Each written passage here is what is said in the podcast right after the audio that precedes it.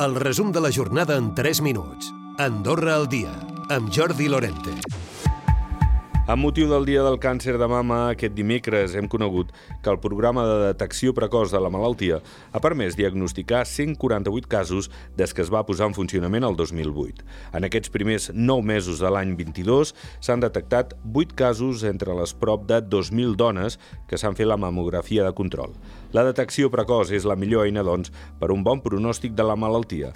En parla l'infermera referent oncològica, la Marta Rosdevall. Andorra jo crec que té més sort perquè la, el temps d'espera és inferior i perquè la detecció també és, és molt més ràpida. La gent jo crec que cada dia està més conscienciada en aquest sentit de que, de que, doncs, que serveix, és una eina que serveix per la prevenció, que és, eh, diguéssim, el que seria desitjable per poder tindre un bon pronòstic en el càncer.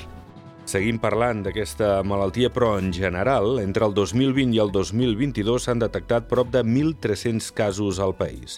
Els més freqüents són els de pell, seguit dels de mama, colon i pròstata. Ho ha explicat el Ministeri de Salut responent a una pregunta parlamentària de la consellera general socialdemòcrata Susana Vela. Les benzineres del pas de la casa estan recuperant clientela arran de la vaga a les refineries franceses. Molts són clients que havien perdut durant el mes de setembre per la rebaixa dels carburants al País Gal. N'ha parlat el director de Gasopàs, el Jesús Lanas. Des del mes d'abril aplicaven 18 cèntims per litre de carburant, a principis de setembre van aplicar 30 cèntims, amb el qual el diferencial existent en França històric d'entre 25 i 30 cèntims pues, ha quedat minvat i no, no hi havia diferencial, per tant els clients alguns han deixat de vindre i estan trobant baixades amb el volum de vendes d'entre un 20-25%. Molts dels clients fins i tot s'enduen bidons plens als seus vehicles.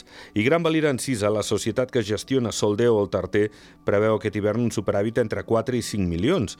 Segons el director general de Gran Valira Encisa, David Hidalgo, això suposa un retorn a la normalitat prepandèmia. Tornem a recuperar, jo diria, ja dades històriques. Ja parlem de creixements, ja ens comparem amb una temporada normal, eh? ja no estem fent aquelles comparacions amb temporades negatives, per tant, doncs, eh, creixement en, en ingressos, sobretot basat també en una política d'optimització de preus, eh? per tant, doncs, això ja sabeu doncs, que hi ha una, una estratègia d'eliminar aquells moments punta de la temporada que ens saturen. Una plataforma digital amb informació sobre el parc immobiliari d'Andorra és l'objecte del concurs convocat pel govern per facilitar la feina al futur Institut Nacional de l'Habitatge. Permetrà també un major control d'un registre ja obsolet.